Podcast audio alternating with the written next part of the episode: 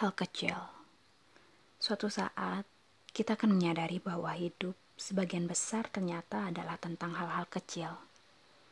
Pedagang bakso yang datang saat hujan, kecupan di kening sebelum tidur, buku yang kita baca berulang dan tetap membuat kita menangis sekaligus bersemangat, menonton drama sampai subuh, semut yang merayap di tanah, dedaunan yang basah karena air hujan. Sapaan ibu di ujung telepon saat kita pertama tinggal berjauhan. Perasaan bangga saat kita akhirnya berhasil melakukan sesuatu yang tadinya begitu menakutkan. Semoga kita tetap hidup untuk menghidupkan hal-hal kecil yang membuat kita tetap bersyukur.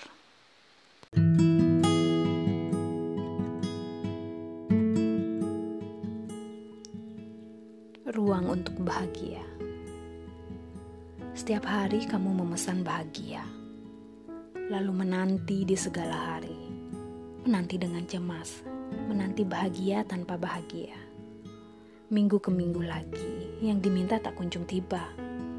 Kamu mengira bahagia tersesat, salah jalan, memutar arah, singgah di tempat lain, putus harapan, Tak sengaja kamu melihat daftar tamu dan tertegun.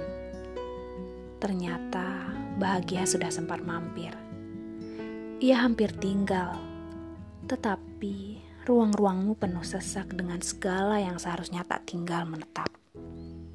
Bahagia pergi lagi, merasa tak dibutuhkan, mengira kamu telah salah memanggilnya. Ia tak punya tempat di antara rasa benci, penyesalan, dan kekhawatiranmu. Selalu begitu. Kamu meminta bahagia, tapi tak menyediakan ruang untuknya.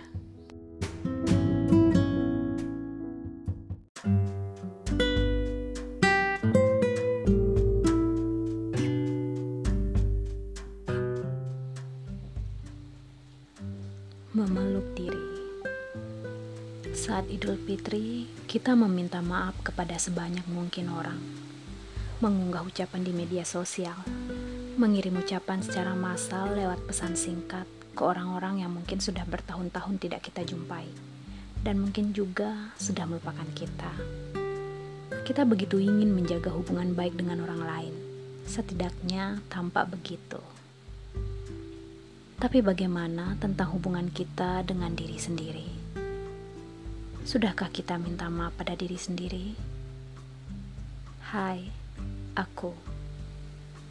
Maaf kalau aku sering meragukanmu bahkan sebelum kamu memulai. Menghakimi dan memangkas idemu sebelum tuntas kamu ceritakan. Aku menuntutmu jadi yang lain. Membesarkan kekeliruan kecil dan memburumu dengan hal-hal yang mustahil untuk segera terselesaikan. Mulai sekarang, aku akan berhenti mencegahmu, mencegah kita untuk bahagia.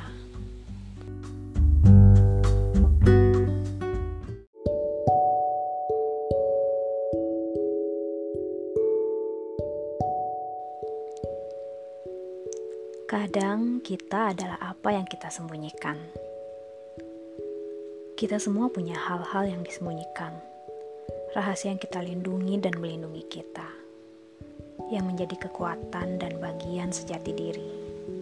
Hal-hal penting yang jika kita buka hanya ingin sekedar diketahui lingkaran kecil, keluarga, dan teman dekat, atau benar-benar ingin kita simpan sendiri. Namun, di saat lain, hal yang kita sembunyikan bisa jadi justru adalah yang menghalangi kita dari bahagia, atau bahkan dari diri kita sendiri. Rahasia yang kita tutup rapat dan pendam karena terlalu takut akan pendapat orang atau justru karena belum berdamai dengan sesuatu. Rahasia yang membuat kita ketakutan untuk sekedar menjadi diri sendiri. Bersembunyi seharusnya untuk terlindungi, bukan terpenjara. Siapa tahu membuka diri akan lebih membebaskan.